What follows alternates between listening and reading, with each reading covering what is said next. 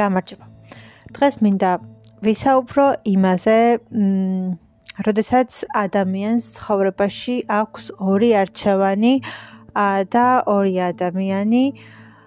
და როგორ არჩევანს აკეთებს, ან რამდენად სწორი არის ეს არჩევანი, ან ზოგადად ჩემი განმსახედიდან რა ხდება ამ დროს.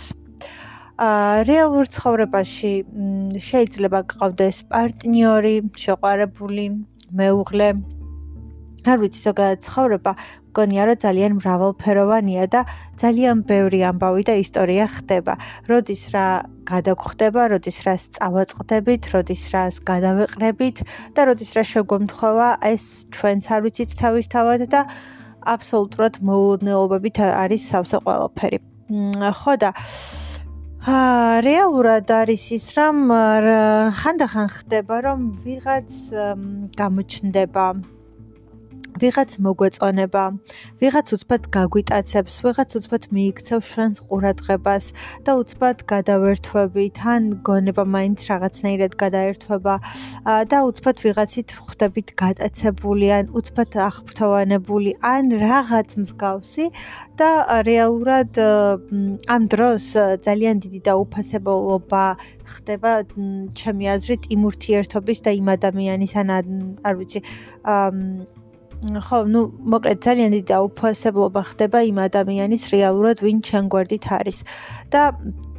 მე დრო გადის და შეიძლება მიხვდე რომ ძალიან შეცდი რომ ეს ყველაფერი ამად არ ღირდა, მაგრამ ხანდახან სინანული გვიან არის და ხანდახან ნუ ადამიანი დროულად ხვდება ამ ყველაფერს. აა ბოლო ბოლო ერთ კვირაში კიდევ რაღაც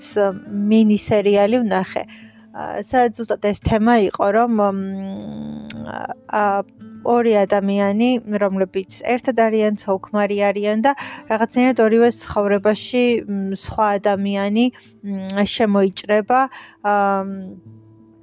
ну, რასთანაც აქვთ ყოველდღიურობაში შეხება და მათზე გადაერთობიან რაღაცნაირად ყურადღებას მიიქცევს, გატაცებულები ხდებიან, მერე ეს ყველაფერი ურთიერთობას რა თქმა უნდა რევს და ნუ აქ ისე ხდება და ვითარდება სიუჟეტი, რომ ორივე მათგანს გამოუჩნდება, ასე ვთქვათ, ვიღაც პარტნიორი თუ მოკლედ ობიექტი. და ორივე მათგანი ცალკე ურთიერთობას იწყებს, რაღაცა ფლირტი, გაპრანჭვა ისა ეს რაღაც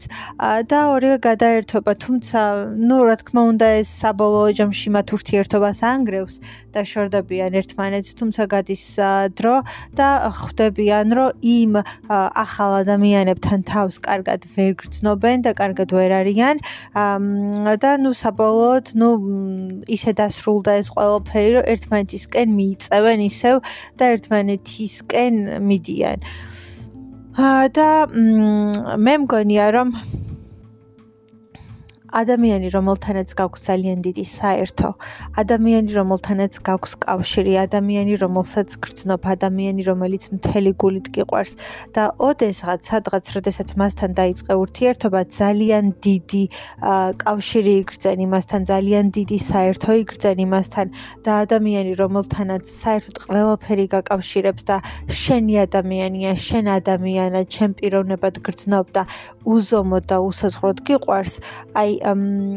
ეს გატაცებები და რაღაცები შეიძლება იყოს და მოხდეს, ну, დღევანდელ ცხოვრებაში მით უმეტეს ხო შეიძლება, რომ ნებისმიერ წამს ვიღაც ადამიანი ჩვენ ცხოვრებაში შემოვიდეს. ანუ საქმიანობიდან გამომდინარე, ყოველდღიური და ტვირთული რეჟიმიდან გამომდინარე, მაგრამ ვიღაცამ რაღაც მომენტში სადღაც შეიძლება შენი ყურადღება ასე ვთქვათ, მიიპყროს, მაგრამ ეს არ ნიშნავს, რომ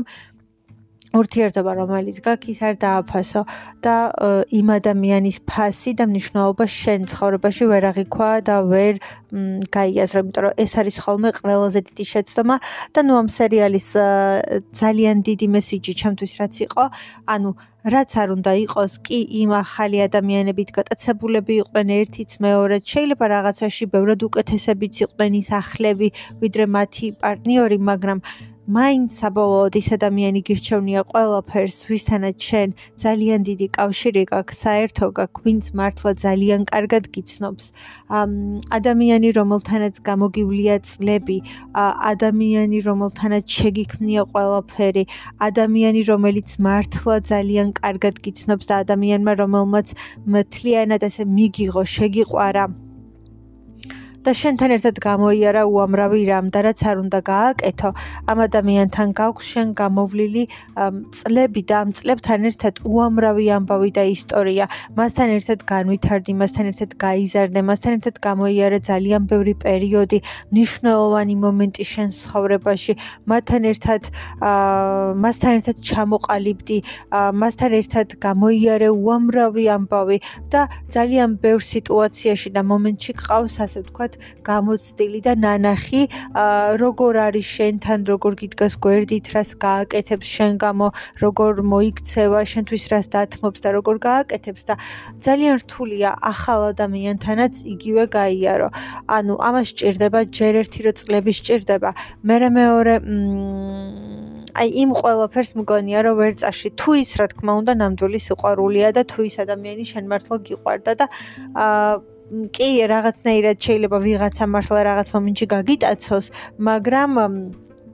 მალევე სრულდება ხოლმე ეს გატაცება, როგორც კი ასე ვთქვათ, აი ამ სურვილის დაკმაყოფილება ხდება, რომ აი იმასთან რეალურად მართლაც გააბი ურთიერთობა, მართლაც რაღაცა შედგა, მაგრამ მალევე მთავრდება და აი როგორც კი აი ამ საბოლოო ნაბიჯს გაადგა, მე უკვე იწება და მოდის სინანული და მე ხვდები რა დაკარგე, რა გააფუჭი ასე ვთქვათ, როგორი მნიშვნელოვანი რაღაც გაუშუ შენი ცხოვრებიდან და ნუ რამდენად მძიმე არის ეს ყველაფერი. მმ, არ ვიცი, მე ასე მგონია და ასე ვხედავ, რომ ადამიანი, რომელიც, ანუ გულისხმობ ნამდვილ რეალურ ემოციებს და გრძნობებს, რეალურ სიყვარულს, აა და ასეთ ურთიერთობაზე მაგსაუბარი, ადამიანი, რომელ რომელთანაც მართლა შენ გაქვს გამოვლილი ყველაფერი, გაქვს გამოვლილი წლები, ყველანაირი სიტუაცია ერთად გამოიარეთ, ერთად გაიზარდეთ, ერთად განვითარდით, ერთად შექმენით რაღაცები, უამრავი ისტორია გაკავშირებს, უამრავი ამბავი, უამრავი სიტუაცია. და მართლა აი გამოცდილი ყავს, ну განადა სპეციალურად დატესტილი, მაგრამ აი იცი, როდის როგორ იქცევა, რანაირად აკეთებს, როგორ გიდგას გვერდით, არ ვიცი, ყველაფერი იცი, როდის როგორ იქცევა, როდის იღიმის, რატო იღიმის, როდის რას გრძნობს, ანუ ზეპირად იცი იცნობთ ერთმანეთს და ეს თქვენი ზეპირად იცნობთ ერთმანეთს განაიმით არის როდესაც გაიცანი შენ მთელი შენი ცხოვრება და დექი და მოუყევი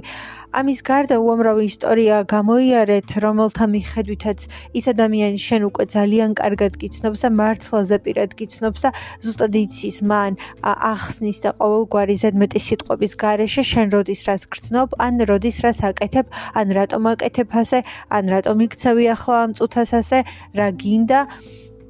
და მოკლედ ძალიან კარგად გიცნობს და რეალურად ლიტერატურიდან რომ ავიღოთ სამ ციგნს მოვიშველიებ და მათი მათ მაგალითზე ვიტყვი, ნუ ერთ-ერთი არის ქარიშხლიანი უღელტეხილი, როდესაც ანუ თავარ პერსონაჟს გამოუჩნდება, ასე ვთქვათ, მის ცხოვრებაში ჩნდება ორი მამაკაცი. და ერთი არის, რომელიც მართლა უყვარს და თვითონაც ხვდება და იაზრებს, რომ ეს ნამდვილად ის სიყვარულია, რომელიც უნდა იყოს და მართლა ძალიან უყვარს და მთელი მისი ცხოვრების სიყვარული არის, მაგრამ მეორე ადამიანი, რომელიც არის შეძლებული, რომელსაც აქვს სტატუსი, რომელიც არის დახვეწილი, რომელსაც აქვს კარგი განათლება. და რეალურად მასთან ყოფნა უნდა იმიტომ და იმის გამო, რომ აი მე ყველა იტყვის და ელაპარაკებს, რომ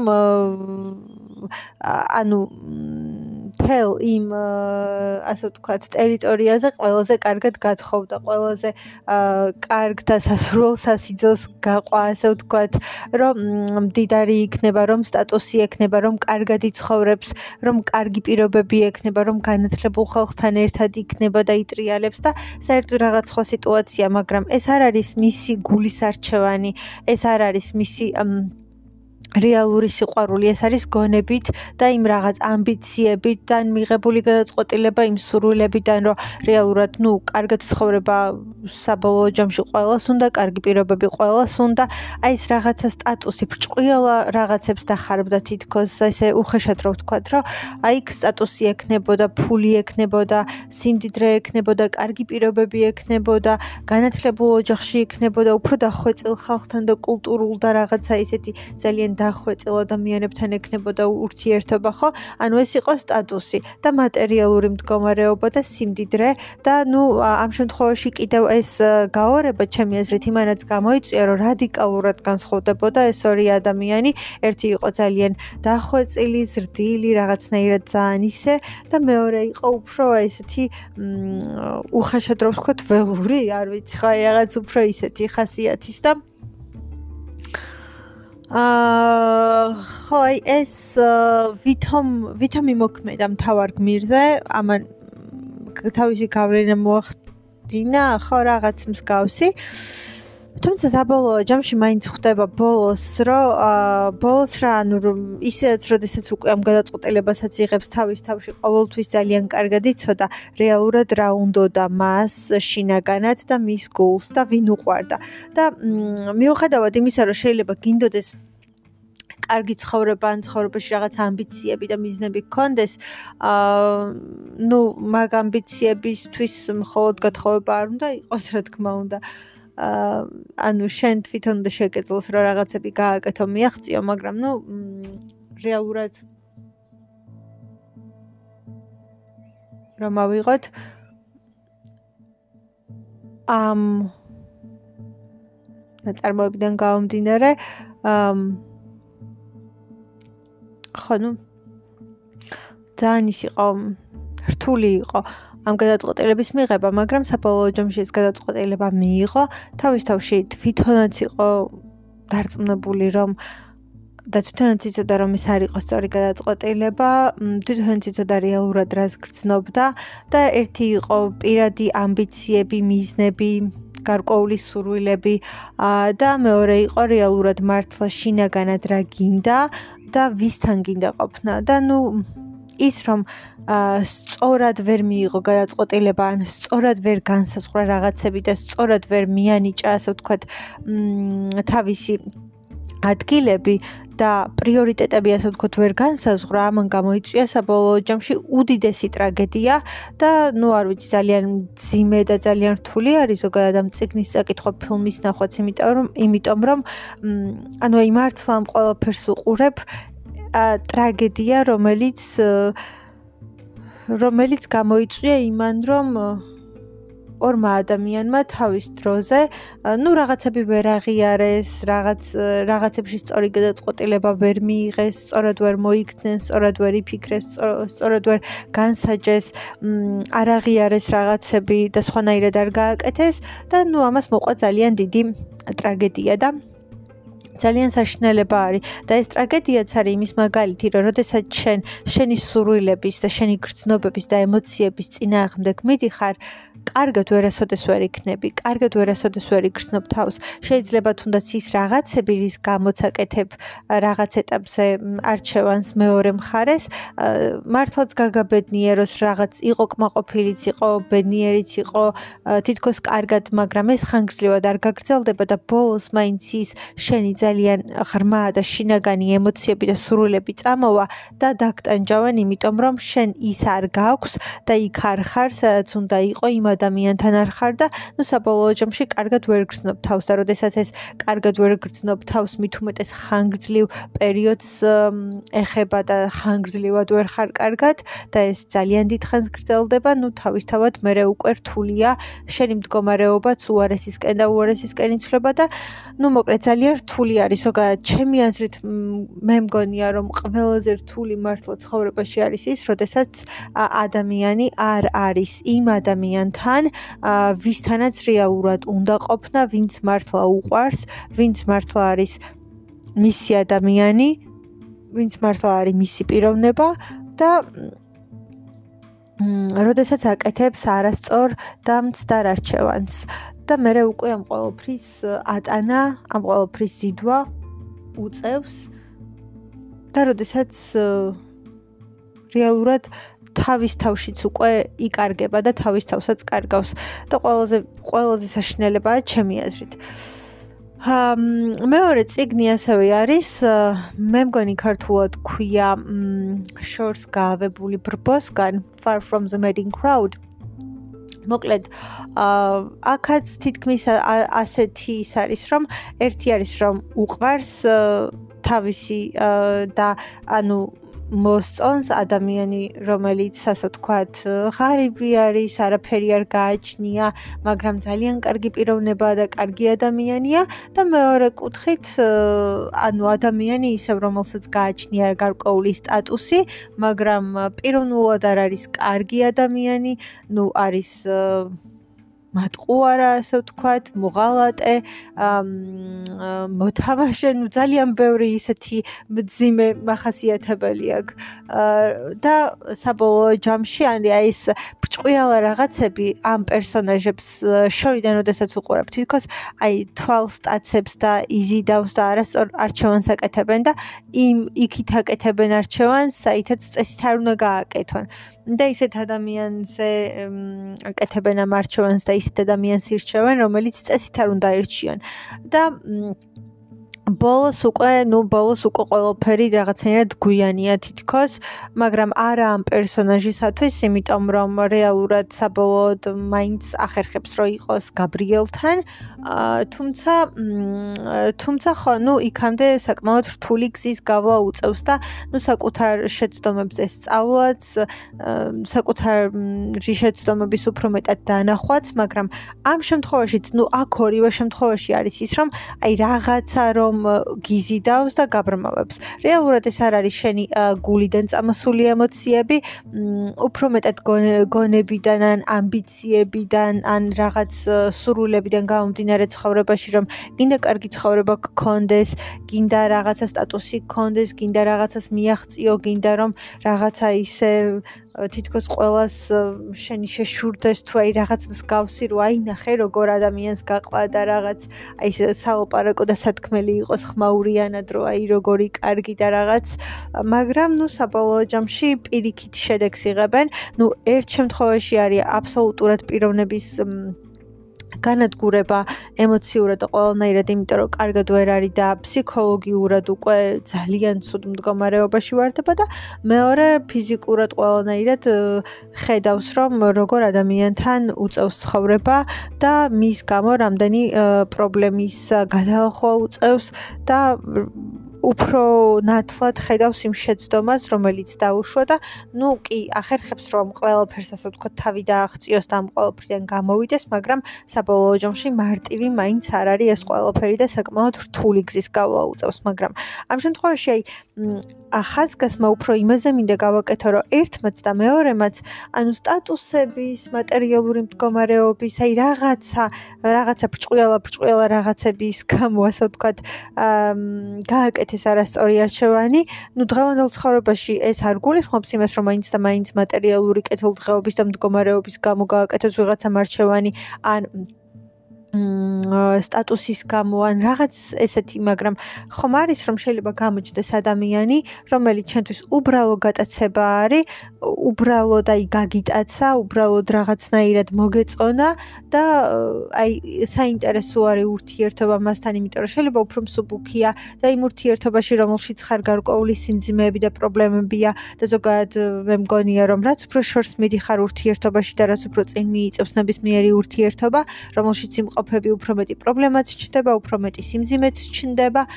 და ნუ იქ უფრო რაღაცნაირად ისე ხარ მსუბუქად და ხალისიანად თითქოს. და შეიძლება მოხდეს რომ ვიღაცამ გაგიტაცოს და ვიღაცამ მიიტაცოს შენი ყურადღება და რაღაც, მაგრამ ეს ხომ არ ნიშნავს რომ ეს არის შენი რეალური ემოციები, გრძნობები. აი, ხშირ შემთხვევაში უბედურება, ნუ ბრჭყალებში უბედურება მოყვება ზუსტად იმას, როდესაც საკუთარ თავში და საკუთარ ემოციებში და გრძნობებში ბოლომდე ვერ გაერკვა გაყვევი და ვერ გაიგებ და როდესაც ვერ ანსხოვებს ადამიანი რეალურად რა უნდა, რეალური მისი ემოციები და გრძნობები რა არის, რომელი არის მისი ნამდვილი გრძნობა და სიყვარული და სად არის მისი ნამდვილი სიყვარული ასე ვთქვათ და რომელი არის უბრალოდ მართლა გატაცება რომელიც ორ დღეში მოგბეზრდება. შეიძლება რეალურად რა თქმა უნდა ეს ორი დღე არ იყოს შეიძლება იყოს ერთი წელი ან თუნდაც ორი წელი იყოს მაგრამ იმ ორ წელში ყველაფერი დაინგრევა და იშლება და საბოლოო ჯამში დაგრჩება ძალიან დიდი სინანული და საბოლოო ჯამში დაგრჩება ძალიან დიდი სევდიანი ემოციები, რომლებიც უბრალოდ არ ღირს და მე შეიძლება ყველაფრის დაბრუნება გვიანი იყოს და ძალიან დაგვიანებული იყოს. და მესამე წიგნი, რომელიც მინდა რომ ვახსენო, არის მონტესუმას ასული, რომელიც ნუ ძალიან მიყვარს ასევე. და მანდაც ნუ ამ პერსონაჟს აქვს ორი მ ორი ქალი ჩნდება მის ცხოვრებაში და ერთი არის, ну, ასე ვთქვათ, ისე რაღაცნაირად ეს სიტყვა უნდა გამოვიყენო, ველური და მეორე ძალიან ისეთი ზრდილი და ხვეწილი რაღაცნაირი და ну, თითქოს ორივე უყვარს, მაგრამ ამ შემთხვევაში ჩემი აზრით უფრო მეტად ის არის, რომ პირველი არის უკვე ამოჩემებაში და აკვიატებაში გადასული და რაღაც გონებაში რო ჩეგებეჭდება და რო გამოყვება და რო გგონია რომ ვითომ ის რაღაც არის. და ამ დროს რეალურად მე მგონია და მე ვფიქრობ რომ ოთომი უფრო მეტად უყვარდა და მართლა უყვარდა და რეალური ემოციები, რეალური გრძნობები და რაღაც ყველაფერი მასთან აკავშირებდა, თუმცა მაინც აი ეს აკვიატება იმდენად ღრმად იყო მასში ჩაბეჭდილი, რომ აა მაინც რაღაცნაირად სულ მაინც იქითკენ ქონდა ფიქრები, მაგრამ რეალურად რეალურად მთელი ყველაფერი მეორე ქალთან აკავშირებდა. ნუ აქაც ეს არის რომ აი ამ შემთხვევაში ჩემი აზრით უფრო ის არის რომ აი ეს აკვიატება რომელიც ქონდა და რომელიც ამოჩემებად ქონდა რომ აი გინდა თუ არა ის არის ნამდვილი და მართალი არ მისცა ბოლომდე იმის საშუალება რომ სადაც რეალური ცხოვრება ელოდებოდა ან რეალური გრძნობები ელოდებოდა იმისთვის ბოლომდე გაეხსნა გული და იმისთვის იმ ურთიერთობაში რომ ბოლომდე ყოფილიყო. აა ადრე ამ ამ ციგნზე ჩაწერილი მქონდა პოდკასტი და ძველ ძველი მასში წავშალე და მოკლედ მე თუ ვიპოვე შემიძლია რომ ესეც ავტვირთო ცალკე ანუ ამ ციგნი ციგნზე მქონდა საუბარი ჩემი ანალიზი და განხილვა იყო. მაშინ როდესაც მეორედ წავიკითხე როგორ როგორ დავინახე და როგორ ვხედავდი. მაგაზე მქონდა ну რეალურად რეალურად ნებისმიერი ციგნი რომელიც შეიძლება რომ მოვიშველიოთ და რომელზეც შეიძლება რომ ვისაუბროთ აა არ ვიცი ხო აი ციგნებშიც, ფილმებშიც, ну სერიალებშიც ნებისმიერი ის ფილმი ან სერიალი ან ციგნი არ ვიცი რომელიც არ უნდა იყოს, სადაც არის აი ეს ვარიანტი რომ ადამიანის ცხოვრებაში ჩნდება ორი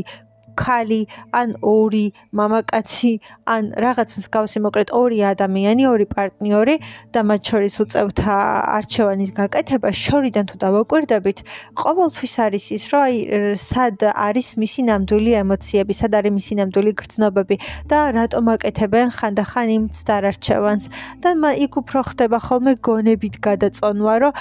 თითქოს აი შენთვის და შენი ცხოვრებისთვის ეს უფრო კარგი არის და კარგი უნდა იყოს და კარგი იქნება იქნება, მაგრამ რაც შეიძლება რომ გონებრივად ასე ვთქვათ, მივიღოთ რომ ჩვენი ცხოვრებისთვის კარგი იქნება, არ ნიშნავს რომ მართლაც კარგი იქნება და არ ნიშნავს არც იმას რომ ჩვენ იქ მართლაც ბედნიერები ვიქნებით და ჩვენ იქ მართლაც მოგვეწონება ყოფნა ან არ ვიცი რომ ბედნიერები ვიქნებით იმიტომ რომ საბოლოოდ ბედნიერები ვართ იქ სადაც ჩვენ ვართ გახარებულები, კმაყოფილები, სადაც ჩვენი ემოციური მდგომარეობა არის კარგად ასე ვთქვათ და სადაც ჩვენ ვართ იქ რეალურად სადაც გვინდა ყოფნა, სადაც ჩვენს გულს უნდა ყოფნა და უხარია და იმ ადამიანების გარემოცვაში ვინც მართლა გვიყვარს და ვინც ჩვენთვის არის მნიშვნელოვანი. ზოგადად მგონია რომ უსიყვარულოდ ცხოვრება და უსიყვარულოდ არსებობა არის ყველაზე დიდი კატასტროფა და კოშმარი და ზოგადად იმ ადამიანებთან ყოფნა ვინც მართლა არ გიყვარს. იმიტომ რომ რაღაც ერთგვარი უდიდესი სასჯელი არის, რა ბედნიერება არის, უმეტეს ადამიანმა ეს თუ იცი და გამოცდილი გაქვს რა ბედნიერება და რა სიხარული არის? საყვარელ ადამიანთან ერთად ყოფნა, მასთან ერთად მასთან ერთად არსებობა და მასთან მასთან ყოფნა, აი რამდენად დიდი ბედნიერება და რამდენად დიდი სიხარულია და შემდეგ ანუ აი ეს რომ ხარ ადამიანთან ვინც არ გიყვარს. კი, ბევრი რაღაც შეიძლება გქონდეს, რაც შენს ასე ვთქვათ ცხოვრებას უზრუნველყოფს, მაგრამ ეს უზრუნველყოფა ხომ არ არის ბედნიერება. კი, კომფორტ შეიძლება გიქმნიდეს რაღაც, მაგრამ არც კომფორტი არ არის ის, რომ შენ ბედნიერი ხარ და შეიძლება გაიარო მთელი ცხოვრება ისე რომ არასოდეს არ იყო ბედნიერი და ამ დროს გაქვს ერთი ცხოვრება და ამ ცხოვრებიდანაც რამდენი წელი ისე მიდის ხო? ანუ ბავშვობის წლები ფაქტობრივად რაღაცნაირად ნაკლებად გვახსოვს და გაცნობიერებული წლები არ არის. შემდეგ უკვე ანუ რაღაცა ვცხოვრობთ აი აი ამ შუა წლებში ხო? მე მოხუცებულობაც ისეთი ემოციურად დატვირთული და რაღაც ხომ არ არის, რომ ანუ ყველაფერი თითქმის გამოვლილი გაქვს და რაღაცნაირად უკვე ისეთ ასაკში გადაფასება ხდება ბევრი რაღაცის და საყვარელ საქმეებთან თითქოს დაბრუნება შეიძლება უბრალოდ იჭდე და შენ საყვარელ წიგნებს ხელხო კითხულობდე. ანუ უფრო მეტად ისვენებდი, ან არ ვიცი რაღაც, მაგრამ ეს ხომ არ არის რომ აქტიურად გადიხარ რაღაც ისეთ მომენტებს შენ ცხოვრებაში. აა ხო და იმ ერთ ცხოვრებას უბრალოდ წირავ იმისათვის, რომ გაიარო უსიყვარულოდ და მარტო იმისთვის, რომ მატერიალური კეთილდღეობა გქონდეს, ან მარტო იმისთვის, რომ რაღაცაში უზრუნველყოფა გქონდეს, ან სტატუსი მოიპოვო, ან რაღაც მოიპოვო, მაგრამ ეს არ არის ხო ბედნიერება. ბედნიერება არის ის, როდესაც ჩვენ ხარ შენ საყვარელ ადამიანთან, როდესაც ჩვენ გიყვარს და იმ ადამიანთან ერთად ხარ, როდესაც შენი ადამიანია და მასთან ურთიერთობას და მასთან ყოველ შეხებას და მასთან ყოველ კონტაქტს სხვანაირი სიხარული და ბედნიერება მოაქვს შენ ცხოვრებაში, ხო? ეს არის ცხოვრება, ეს არის ბედნიერება და მგონია რომ იმაზე მაგარი არაფერი არ შეიძლება იყოს, რომ შენ ცხოვრებაში იპოვო შენი ადამიანი ადამიანი, შენი პიროვნება,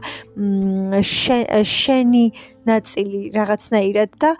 არ ვიცი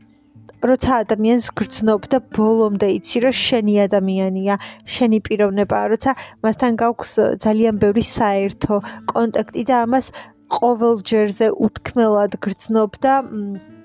ადამიანი ვისთანაც არ გჭირდება ბევრი ლაპარაკი, ბევრი რაღაცის ახსნა, ანუ ერთმანეთს იმდენად გრძნობთ და მართლა თითქოს ერთმანეთისთვის ხართ, რომ ერთმანეთის ადამიანები ხართ და ამაზე მეტი ბედნიერება რა უნდა იყოს. და ნუ ყველაზე ცუდი არის, როდესაც ამას ვერ მიხვდები, ამას ვერ გაიაზრებ, ვერ დააფასებ, ვერ დააფასებ იმას, რამ ხელა ბედნიერება გხვდა წილად, ვერ დააფასებ იმას, როგორი ბედნიერი ხარო ეს ყველაფერი იპოვე და აღმოაჩინე. ანუ ამ ყველაფრის გააზრება, ამ ყველაფრის დაფასება რომ არ გექნება, რომ ვერ მიხვდები ბოლომდე. ანუ ეს რა არის და რას ნიშნავს და როდესაც გააკეთებ არასწორ არჩევანს და მე უკვე გიწევს ასე ვთქვათ რომ მთელი ცხოვრება ეს არასწორი არჩევანი ზიდო და ამ არასწორი არჩევანით იარო და რამხელა ტანჯვა და უბედურება შეიძლება იყოს. და ნუ ეხა დღევანდელ რეალურ ცხოვრებაში ეხა ეს გასაგებია რომ ეს ციგნები დაწერილი არის ძალიან დიდი ხნის წინ და უკვე ძალიან ბევრი წელი გვაშორებს მათგან. აა შესაბამისად საერთოდ სხვა ეპოქაზე გვაქვს საუბარი, საერთოდ სხვა საუკუნეზე გვაქვს საუბარი, მაგრამ რეალურ ცხოვრებაში დღეს შეიძლება რომ უბრალოდ ძალიან ბევრი ადამიანი იყოს გამოჩნდეს ჩვენ ცხოვრებაში, ვიღაცა მართლაც უცბად დაგაინტერესოს, მოგხიბლოს, გაგიტაცოს, რაღაცნაირად არ ვიცი, უცბად მოინუსხო, უცბად მართლა გატაცებული იყო და რეალურად ეს გატაცება რომელი არის და შენი რეალური ემოციები და გრძნობები სად არის და რომელი არის, ეს ვერ გაარჩიო. დღევანდელ ცხოვრებაში ალბათ ეს არის ძალიან ცუდი რა, ანუ არ არის იმაზე საუბარი, რომ მაინც და მაინც რაღაც ასე ვთქვათ, მატერიალურის ან რაღაცის გამო გააკეთო არჩევანი და მეორე მხარეს მარტო ამის გამო წახვიდი ან სტატუსების გამო წახვიდი და რაზეც ვისაუბრე, ну ამ ციგნებიდან გამომდინარე. დღეს უბრალოდ შეიძლება რომ გყავდეს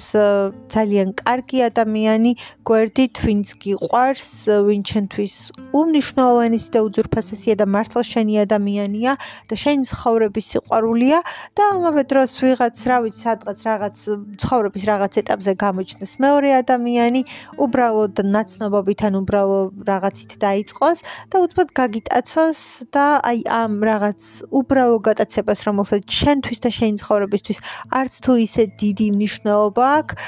ამან დაანგრიოს ის ყველაფერი, რაც ჩვენ ცხოვრებაში არის რეალური, ნამდვილი და მართლა ძალიან დიდი ემოციებით, გრძნობებით და სიყვარულით სავსე. და არ მგონია რომ ამაზე უფრო საშინელება რამე იყოს ან არსებობდეს რომ აი მისცე საშუალება და მისცე ნება ისეთ რაღაცას დაგინგრიოს მართალ ყველაფერი და ის ნამდვილი ემოციები და გრძნობები დაანგრიოს რომელიც ჩვენში არის რომელიც ჩვენი ცხოვრების საჩუქარი არის და შეიძლება ის ადამიანიც ვინც გვერდით ყავს შენი ცხოვრების საჩუქარი იყოს და შენ ცხოვრების ადამიანი იყოს, შენ ცხოვრების სიყვარული იყოს, მთელი შენ ცხოვრების სიყვარული იყოს, ყველაზე ნამდვილი და გულწრფელი გრძნობა იყოს შენ ცხოვრებაში. და უბრალოდ მართლა იმდენად დიდი კავშირი გქონდეს იმ ადამიანთან, იმდენად დიდი საერთო გქონდეს, რომ ამას ვერავინ და ვერაფერი რო ვერ წაშლის და რო ვერ ვერაფერს ვერ უსამს, იმიტომ რომ ხშირად ისეც არის, რომ ადამიანთან რომელთანაც ჩვენ გამოვლილი გვაქვს მთელი ჩვენი ცხოვრება და ნუ ძალიან ბევრი წელი და ძალიან ბევრი ამბავი და ისტორია გვაკავშირებს ის მეორე ადამიანი რაც არ უნდა ქნას და რაც არ უნდა გააკეთოს ამ ყოველფერს ვერ წაშლის და ვერ ჩაანაცვლებს. და ის სანდოობა და ის ემოცია და ის ყველაფერი რომ მეორე ადამიანმა მოიპოვოს ამისთვის საჭირო არის ძალიან ბევრი წელი, ძალიან ბევრი ენერგია, დრო და შეიძლება ვერც გახდეს ვერასოდეს იმდენად ზურფასი და მნიშვნელოვანი როგორც ის ადამიანი, ვინც ჩვენთვის და ჩვენი გულისთვის სხვანაირი არის, სხვანაირად ვგრძნობ, სხვანაირად ვიღებ, სხვანაირად ჩვენი ადამიანი და ჩვენი პიროვნებაა და მგონია რომ აი ამის სწორად განსაზღვრა და ამის სწორად მიხვედრა და რეალურად სახელების სწორად დარქმევა ყველაზე მნიშვნელოვანია და გადამწყვეტად მნიშვნელოვანი არის ცხოვრებაში, რომ სწორად შეაფასო, სწორად მიიღო, სწორად გადააფასო რაღაცები და სწორი სახელები დაარქვა და ზუსტად მიხვდე ვინ რას ნიშნავს შენთვის, ვის რა მნიშვნელობა აქვს, ვის რა ადგილი აქვს და უბრალო გატაცება და უბრალო რაღაც არაგერიოს და არ შეგეშალოს იმ რეალურ და ნამდვილ ემოციებში და გრძნობებში, რომლებიც ჩვენ ცხოვრებაში არის და რომლებიც შენი მთელი შენი ცხოვრების ისტორია, მთელი შენი ცხოვრების ამბავია, მთელი შენი ცხოვრების სიყვარული არის და მთელი შენი ცხოვრების ისტორია არის. და არ ვიცი, ანუ ის უბრალო გატაცებები და უბრალო რაღაც უცბად ვიღაცით მოიხიბლე, ანუ უცბად ვიღაცამ გაგიტაცა, უცბად ვიღაცით აღფრთოვანდი, აღტაცებული ხარ, რაღაცნაირად მოგეწონა, რაღაც ემოცია გაგიჩნდა, ეს არნიშნავს, რომ ეს ყველაფერი არის ნამდვილი და რეალური. გატაცება, გატაცება და გატაცება თუ რჩება და ხშირად იქვე თავდება რაღაც პერიოდში. და ვერ გრძელდება უბრალოდ იმიტომ რომ ანუ ხვდები რომ აი ამის მეტი არაფერი ყოფილა და რომ არაფერი საერთო არ გაქვს და რომ არაფერი არ გაკავშირებს და რომ არაფერს არ გრძნობ და საერთოდ არც მოგწონს და ქსიამოვნებს აკყოფნა იმიტომ რომ შეიძლება მოგწონდეს ადამიანი ძალიან ზედაპირულად და ეს ზედაპირული ურთიერთობა მოგწონდეს და არა უკვე სიღრმისეული ურთიერთობა მასთან და იმ გატაცებად რჩება და იმ გატაცებად დარჩეს და უკვე ეს ღრმა და სიღრმისეული ურთიერთობა მასთან არც გინდოდეს და არც მოგწონდეს. ამიტომ ამ ყოველფრის გარჩევა და განსაზღვრა მგონია, რომ ყველაზე მნიშვნელოვანი არის ცხოვრებაში და რომ არ აგერიოს ნამდვილი არა ნამდვილში და უბრალო გატაცებაში, ახტაცებაში, აღფრთოვანებაში და ნუ უბრალო გატაცებაში. ეს ძალიან მნიშვნელოვანი რა მგონია ცხოვრებაში და ყოველფერს რომ ზუსტი სახელი დაერქვას და მთელი შენი ცხოვრების ადამიანი, მთელი შენი ცხოვრების სიყვარული და მთელი შენი ცხოვრების ამბავი უბრალოდ ასე რომ არ გაუშვა და სანანებლად არ გქონდეს რომ შენი ცხოვრების სიყვარული დაკარგე.